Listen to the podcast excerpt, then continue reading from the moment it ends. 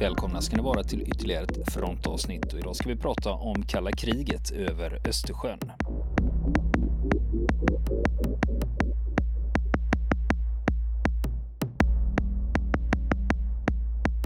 Och nu ska vi fortsätta lyssna på Lennart Karlsson berätta om kalla kriget över Östersjön.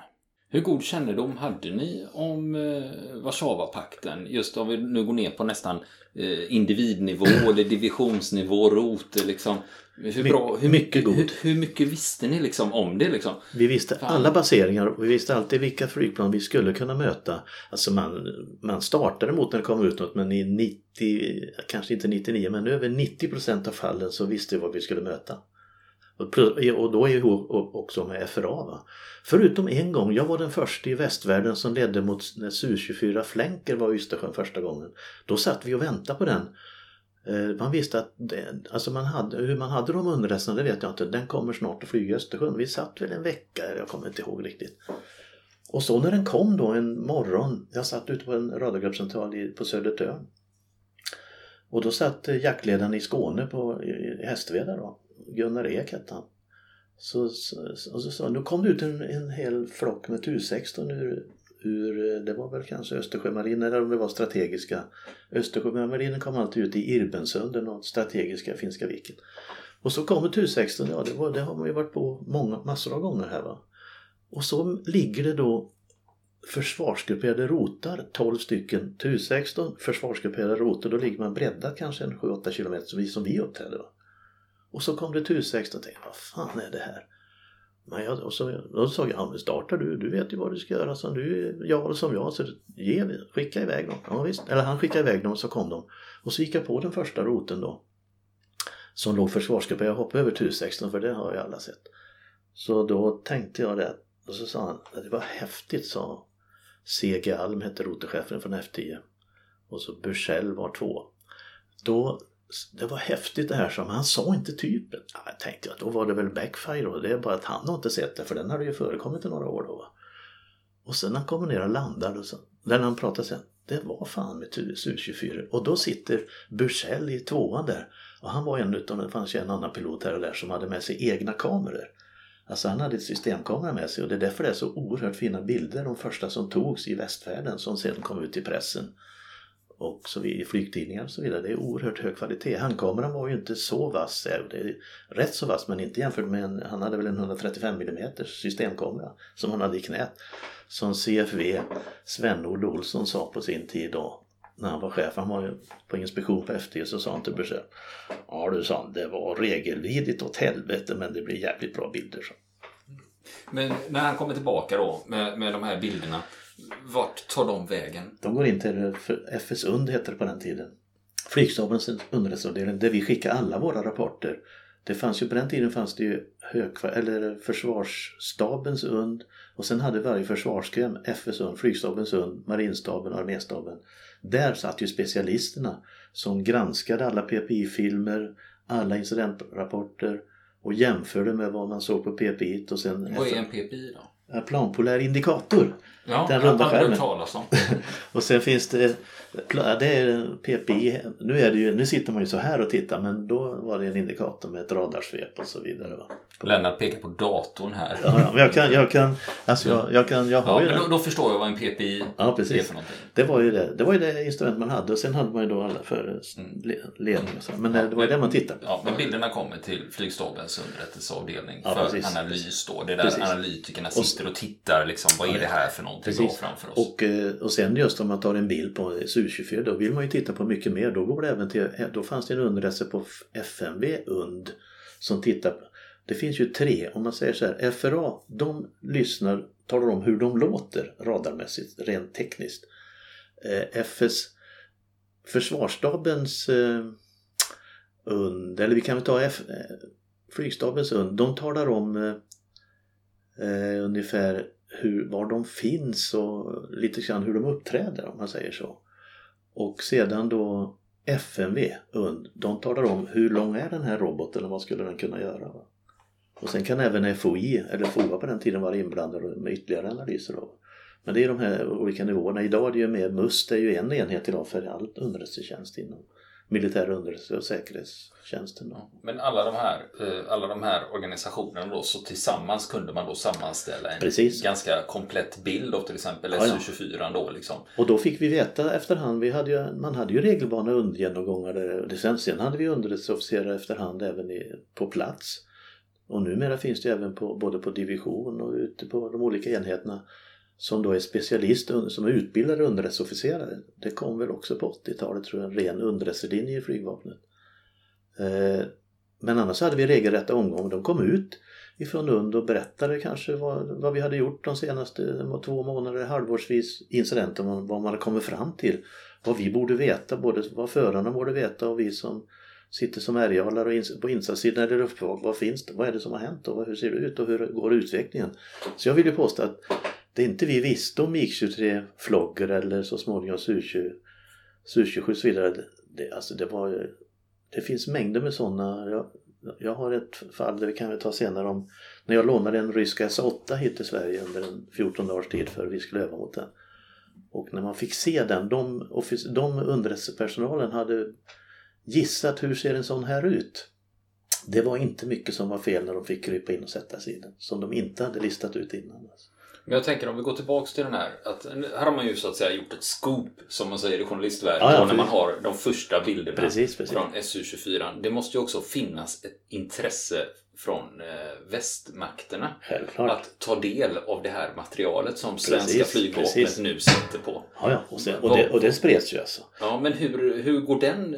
För det finns ju samverkan och Jo, jo. samarbeten Det- i Och underrättelsekretsar. det, det är en bytesteknik då, för jag vet när jag, de här korten som man tog, så jag ringde in, jag hade en nära bekant, han som var, han blev sedermera chef för MUST. Så jag ringde in till PT, hade han som signatur, Håkan Pettersson. Du, nu vill jag ha en stor bild på den här som vi ska ha i våra dagrum. Glöm det, sa han. De här ska jag byta först med intressenter ute i västvärlden innan vi fick ta del av dem. Så att det sker, det sker ju hela tiden ett utbyte av, eh, av underrättelsedata, signalspaningsdata och allt sånt här. Det, det pågår hela tiden någon form av utbyte. Men jag kan inte gå in i detalj på det. Men Nej, nej, det, det, nej men det, idag vet vi ju Ja, ja, att det, det var alltså från 50, 60-tal, 70-tal, 80-tal, 90, alltså fram till våra dagar Jo, så har vi haft ett samarbete Jo, i, i västvärlden. Och vi, kör, vi har ju västmaterial. Vi har ju till exempel aldrig tillverkat någon jaktrobot i Sverige. Det är ju amerikanska. Och även, även Skyflash var väl engelsk men det var ju en, en Sparrow i grunden. Så vapensystemen är ju amerikanska, eller västvärlden om man säger så. Och flyg, det mesta, om man tar Gripen, det är ju komponenter som kommer ifrån väst. Alltså på, på, om vi, om vi börjar. Radarn, alltså radar, nosradarn på jaktflygplanen har ju Ericsson i Mölndal tillverkat fram till och med PS05. Men den elektro, elektriska nu som kommer på E-versionen den är ju amerikansk alltså. Den utvecklas ju därifrån. För de här frågorna dyker ju upp ibland men det är ju mer, en, det är mer en politisk fråga när man pratar Ja, om neutralitetspolitik. Jo, Och det, det, Det blir man har helt sak. fel. Man, vi har aldrig varit neutrala. Däremot är vi alliansfri, alliansfria i fred som ska bli neutralitet om det blir krig. Va? Alltså folk blandar och ger. Vi har pratat aldrig om neutralitet i fred. Det förekommer inte utan vi är alliansfria. Och vad vi gör inom den alliansfria politiken det, kan, det, kan ju, det är möjligt att någon kan diskutera det men jag har aldrig haft några problem med det. Va? Jag jobbade både med tyskar och amerikaner men det var ju på telekrigssidan då under tio år. Alltså det, man kan väl säga så här att om man ska få något eh, ifrån andra länder då måste du också lämna något. Va? Man kan säga att man sitter runt ett bord och man kan inte bara sitta där och så är det en som ger ifrån sig. Alla måste ha någonting att ge ifrån sig och så är det inom NATO också. att När man har, om man tar telekrig och underrättelser om, in- om, om det sitter en turk runt bordet som bara håller käften och inte lämnar någonting och bara tar åt sig då kommer inte han att få vara med så småningom. Alltså. Det, är, det brukar de prata om när, man, när jag pratar med tyska officerare. Vi satt ju, genom de åren jag jobbade, vi jobbade med ett telekrigssystem som vi utvecklade ihop. Då. Men alltså det var så. Om man inte har något att lämna då får man ingenting tillbaka. Så det är likadant för våran del. Då. Men det här, men men det här med samarbete och samverkan, men det är ju, under alla år har det ju varit en förutsättning för att vi ska kunna hålla på med de sakerna vi gör. Ja, ja, det är klart. Annars har vi ju inget. Nej, nej. Nej, jag, jag har inga problem med det. Alltså för, men det finns vissa grejer som vi hade när vi fick jaktlänken på JA37. Det fanns det så fort man träffade någon utlänning så Fighter Link, det ville de alltid prata om. Vi var nog lite unika där tror jag. Eh, Nu är det väl inte så, men alltså när den kom på 80-talet då var det en, en unik grej. Och framförallt vad den innehöll då med, överföring mellan flygplan att man hade så bra kontroll på varandra. Det var ju rätt mycket data som den ena föraren visste om den andra hela tiden. Plus man kunde ju vara två då samverka fram och tillbaka. Sen kunde du passivt sitta på basen och lyssna och se vad gör de där framme exakt när de hade låst på mål eller hur mycket bränsle de hade kvar. Och tänker man då i ett läge där stridläget går ner, det vill säga vi har inga radarstationer kvar men vi har kanske jakt kvar som ligger ute i ett beredskapsläge då kunde de på basen se att ah, nu är det nere i 50 procent, nu är det dags att dra och avlösa de här. Så det fanns ju mycket sånt där. Och just jaktlänken var en sån grej som fördes in väldigt odramatiskt på jaktviggen men hade oerhört stort värde alltså. Och eh, även i mörker och när man ser varandra. För på 35, mörkerdelen, då, då körde vi alltid enskilt när solen har gått ner i incidentberedskapen. En 35 Medan på jaktviggen har vi alltid kört rot. Även i mörker. Då. Sen, flygsäkerhetsmässigt får du inte separera på jaktlänken men du, du har ju liksom det, det är ett mycket gott hjälpmedel. Mm. Även om du skulle kunna separera men det får man rent eh, juridiskt inte göra. Alltså. Det heter flyglänk idag på Gripen-systemet. Men det var ju då att det var ju jakten som hade det på den tiden. Om vi går tillbaka lite tidsmässigt här. För vi körde lite kronologi här och liksom ja. tog det. För 71 då satt vi i Kobra. Ja, jag, jag satt i Kobran eh, fram till eh, efter underofficerskursen som vi gick på hösten 70 då var vi tio stycken ifrån stridsledning luftbevakning ifrån Kobran. Ingen härifrån, det tillhörde F8 Barkarby då, gruvan här uppe då. Eh, då vi som inte var skåningar. Då stod det bara tre veckor före examen tilldelas F8 Barkarby. Punkt. Det var ingen som frågade på den tiden. Det stod bara på en papper ute i korridoren på anslagstavlan från flygvapenledningen. Följande tilldelas F8 Barkarby och jag var en av dem. Och då hamnade jag här, så jag kom hit i januari 71 så det är 50 år sedan. Annars så, men de första tre åren efter då gjorde jag i Skåne då. Det gick radioaktivutbildning på Hägernäs och praktiska skedet det gick jag också då i Skåne på de olika ställena. Då, radarstationer och, och, och in i LFC. Då. Och sen var jag här från 70 eller 71 på januari och sen all fortsatt eh, vidareutbildning, chefradioklädare, incidentjal. Eh, på den tiden var det så att man ska vara lägst kapten för att vara sitta som jaktledare i incidenten. Och, eh, och allting vidareutbildning inom, inom stridsledning då. Och sen, gick, sen på den tiden då var ju vi kompani och man gjorde om befälssystemet. Underbefälen försvann helt så lägsta graden var ju Fänrik då. Och sedan så vi som var gamlingar då, då var vi kompaniofficerare, hette det. Och det var från fänrik till kapten.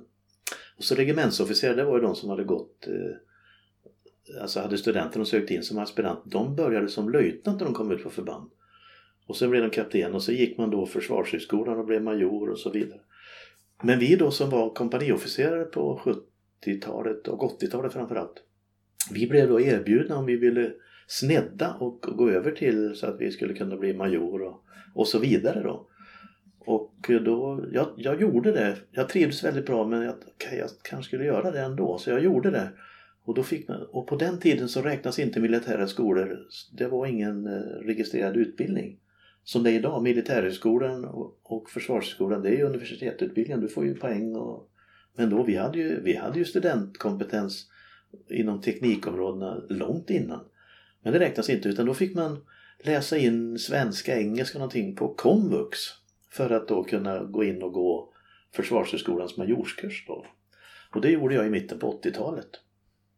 Och det var ju bara formellt, man gick på komvux helt civilt i Kungsängen eh, och så vidare. Eh, tre terminer tror jag det var. Och sedan så gick man då till Försvarshögskolan ett år och så blev man major då. Och efter det så blev jag placerad som lärare på Flygvapnets krigshögskola i Uppsala, FKHS, i tre år. Eller jag sökte lite där för jag, jag, jag blev frågad, jag tyckte alltid det är trevligt med utbildning. Vi har ju alltid värvat utbildning, så är man radiojaktledare så är man lärare på en radiojaktledarkurs. Så att utbildning som officer det är kanske upp till halva tiden. Alltså de som är heltid på skolor då. Men jag la tre år som heltid på Krigshögskolan i Uppsala då. Och då var jag taktiklärare i luftförsvarstaktik ihop med en annan major som då hade flygsidan. Så vi delade lite grann, det gick i varandra väldigt mycket. Och då pratade vi jakt och luftförsvarstaktik. Sen fanns det speciella taktaktik, spaningstaktik och så vidare. Men, men det, det var det jag höll på med i tre år. Och efter det så skulle jag tillbaks hit och bli chef för stridsledningen här. Men då ville man ha in en chefsradioakledare i Gripen-systemet inne på flygstaben. Så tre veckor innan jag skulle tillträda här så ringer han som var chef för personalsidan inom flygvapnet. Du, du får, du, de vill att du kommer in hit.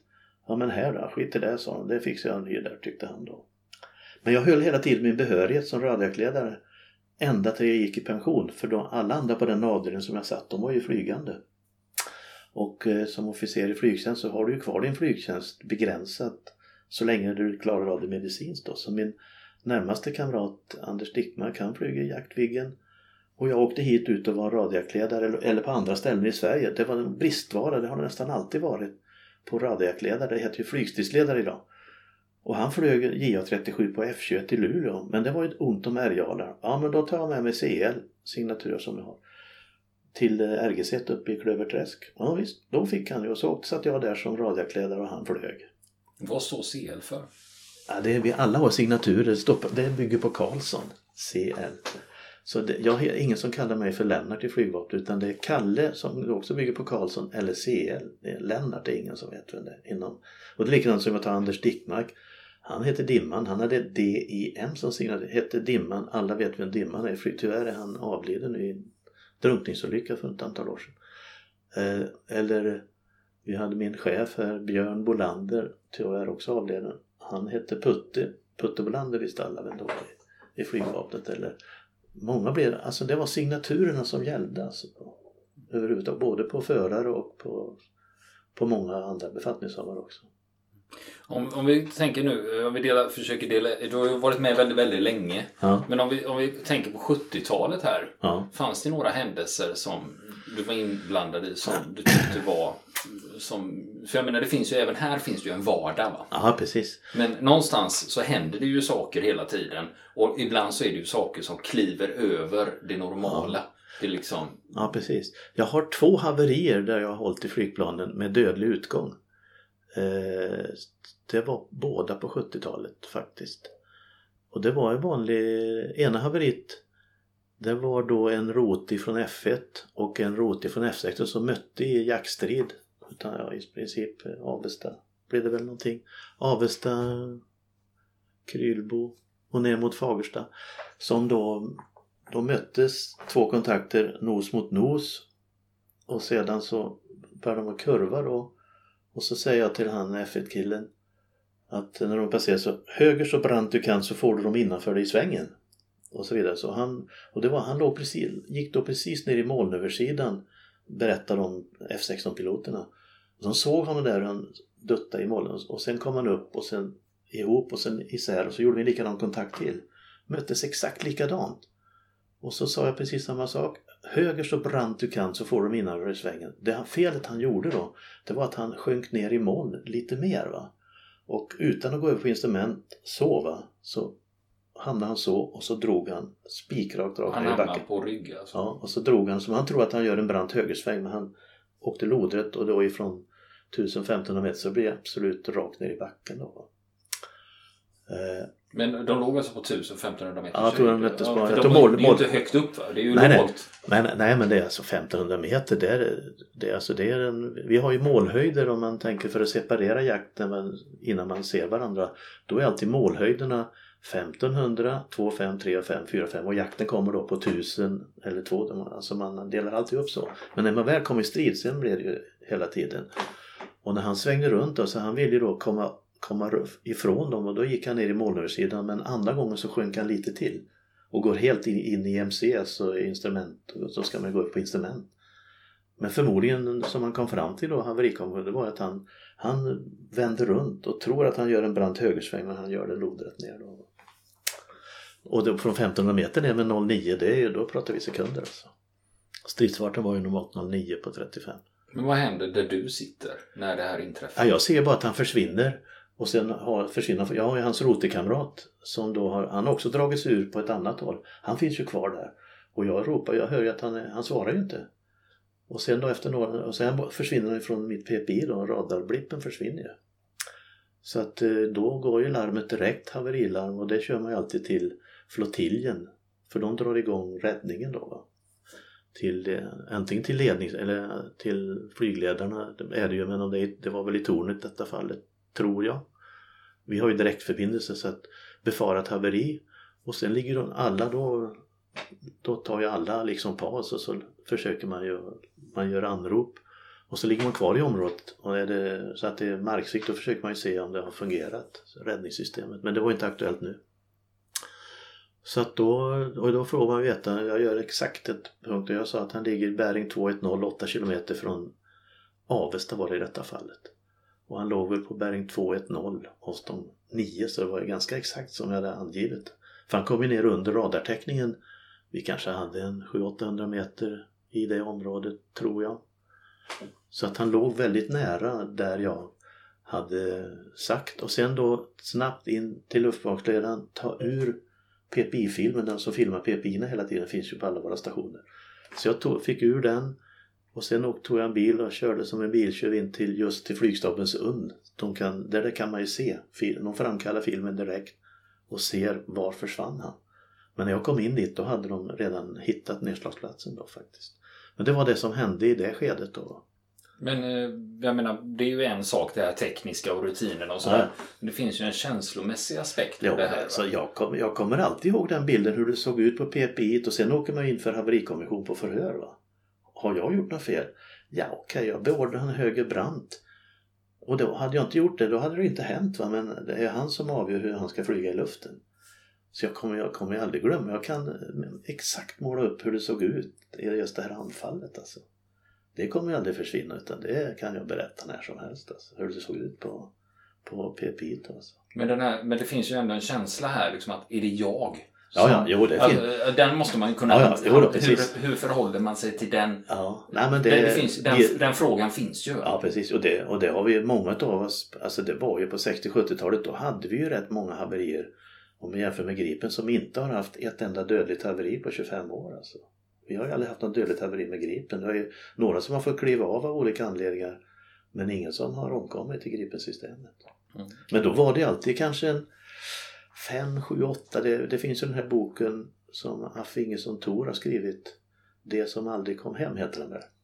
Som beskriver det här. Alltså vi har ju tappat en 600 piloter sen 50 framåt utan att ha varit i krig. Mm. Tror det, jag tror det ligger där någonstans. Va? Men på den tiden fanns det något som helst. Eh, idag pratar man om HR och samtal jo, och så, jo, jo. Nej, det fanns inga någon, någon, form av stöd nej, nej, i de här situationerna. Absolut, absolut inte. Och inte, alltså även på division, man fick nog ta hand om det mycket själv. alltså det är någon HR och, och så liksom krissamtal. I början var det ju så att nej, du ska ju flyga nästa dag. Om du hade havererat och hoppat att du skulle tillbaka till flygtjänst snarast det ändrar man ju på. Och nu finns det säkert eh, både psykologstöd och kanske krishantering. Det finns det väl på alla förband idag.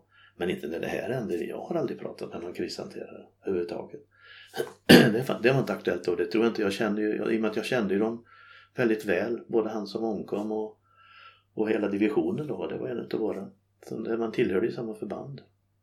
Så att eh, så och eh, hans pappa jobbade faktiskt. Han var meteorolog också. Så att jag kände ju, han var, ju, han var ganska ny, hans eh, kamrat, de kom ju, de hade gjort sin grundläggande drakenutbildning i, i Kalmar. Och därför var de ganska nya i Västerås, den här killen och Alvar Nyrén som hans kamrat hette. Vi har ju ganska mycket kontakt. Han, är, han gick till SAS sedan men vi har haft mycket kontakt genom åren. Hans eh, kamrat då. Och så vidare. Just kurskamrat om man säger så. De var på samma division. Och sen han divisionschefen, han tog upp det faktiskt här. Eh, Christer Eklund, han var divisionschef på just den här divisionen i Västerås. Så, var det inte du som satt ärg? Det var liksom något jämnt. Det var väl kanske 25 år då? Eller det kan, nej det måste vara 40, det var 75 tror jag det var så det måste ju vara 45 år var det säkert här. Och han frågade mig på fem, var det inte du som satt där den här killen, Åberg hette han. När han eh, havererade. Ja, Ja, jag hann väl för mig det, så då Kom och tänka på dig själv då, som chef för divisionen då alltså på, på den här tiden. Då. Ja. Så att det, på 70 det var vi hade de två, vi var två stycken som var inblandade i det andra haveriet för det var också en, han var också GFS, alltså grundläggande flygslagsutbildning som man gör tog ungefär 18 månader efter att du kom från Ljungbyhed. Eller från när du har flugit in dig på Draken på typinflygningsskolan i F16 sex månader. Sen kom du ut på division. Och då, då började GFSU, grundläggande flygslagsutbildningen. Och den var ungefär 18 månader på 35. Och det var i slutet på den, då skulle de köra mot en 32 En stöd 32 Och då satt, jag tror, jag kommer inte jag tror jag satt i berget och han, Janne som bor ganska nära här. Han satt på, vi hade en liten radarstation på F1, en P21 som vi höll igång så vi satte med en talstidsledning då. Så då ledde jag en kontakt mot 32 på lite höjd, kanske en 6-7 tusen. Och sen steg två i den här utbildningen var att han skulle gå ner och, mot en 32 på kanske 500 000 meter, jag kommer inte ihåg riktigt. Och vi gjorde både klockrent. Och när han går hem då ifrån övningsområdet söder, han hette Adam 1. Och då pratar vi egentligen Sörmland, bort mot Närke, norra Östergötland, ganska stort område. Då vi släpper över honom till kontrollen i Västerås och då är han kanske på 1500 meter, sjunker sakta in emot Västerås. Han har fått i väderrapporten att undersidan här i området skulle vara om det var nio, det var kanske någonstans mellan 500 000 meter så han, han bara sitter lugnt och sjunker rakt in mot flottiljen för landning då. Sjunker ner i moln, går inte över på instrument utan han är hundra på att jag kommer igenom på 800-900 meter. Problemet var att det var marknära dimma. Så han går väldigt flackt i backen och far ur kärran men han avlider ju. Eh, just, och det var ju också ett instrumenthaveri alltså. Som gjorde att han, eh, han tror att han ska komma ut på nu var 700-800 meter. Men han går i backen, han, han tittar ju inte på höjdmätare utan han sjunker lagom tycker han neråt då för att komma ut på 800 meter eller vad det nu var. Men det var marknära och då går han i vid Råby Rekande kyrka, jag glömmer aldrig den orten, väldigt nära där som han fanns då.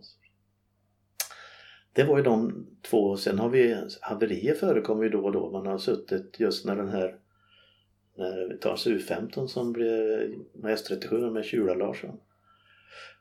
Då, då visste man ju inte hur tar ryssarna det här för de skulle ju mycket väl kunna sagt vi sköt ner den ryska jakten. Mm. Kan, du, kan du berätta den här historien från början? Ja. Vad, vad, var det som hände då? Jo, det var, alltså, det var en vanlig traditionell havsövervakning som man gjorde varje vecka. Man gick ut, Martin Röd från var spaningsdivision med 37 på Bråvalla.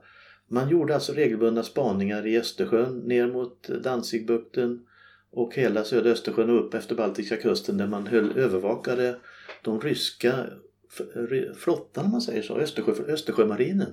Var det normalbild eller skulle det vara någon stor sammandragning eller hade de dragit igång någon övning som vi inte kände till? Och man gick ut och plottade alla fartyg som fanns. Det var det traditionella. Ut Bråvalla, ner över Hoburgen, i detta fallet ner i Gransigbukten.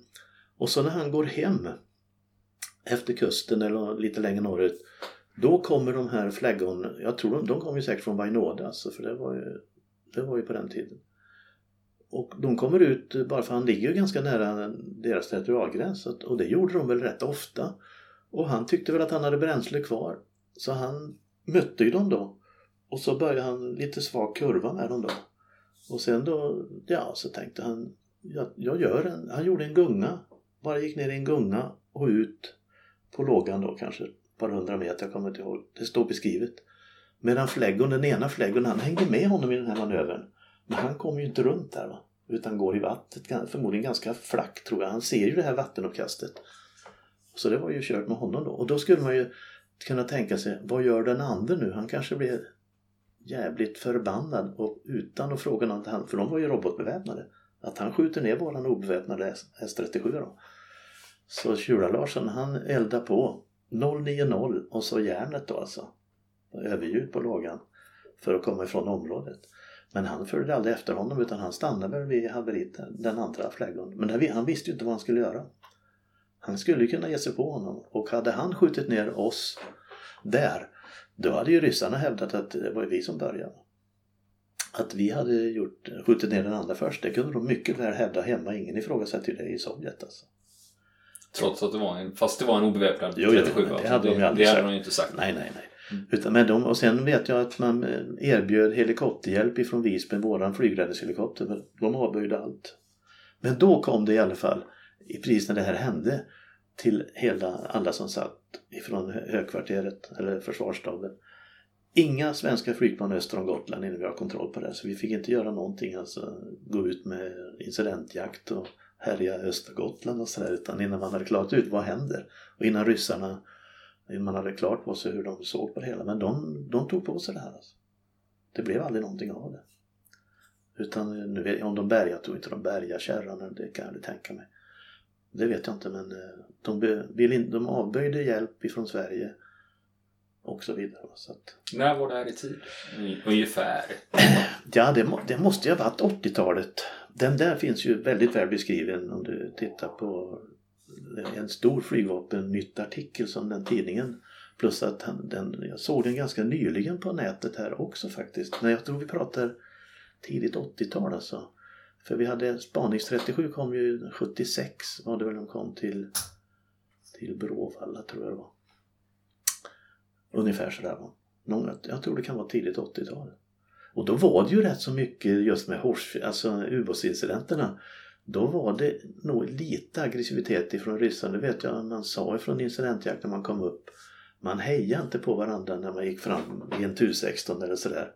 Kanske till och med någon pekade finger att de, alltså de ryska förarna var inte lika vänliga i sitt uppträdande, alltså om man vinkade sådär. Va? Det fanns eh, tendenser att eh, när, när då Sverige hade gått ut och att det var en rysk ubåt som var där och där va? i Hårsfjärden till exempel. Medan Karlskrona var det ju rätt säkert att det var en rysk. och nästa vecka fortsätter vi lyssna på Lennart Karlsson och hans historia. Vill ni komma i kontakt med oss så kan ni göra det via vår Facebook-sida som heter Fronten. Det är inga problem för er att leta er fram där. Eller också så mejlar ni på vår mejladress och det är frontenpodcastgmail.com.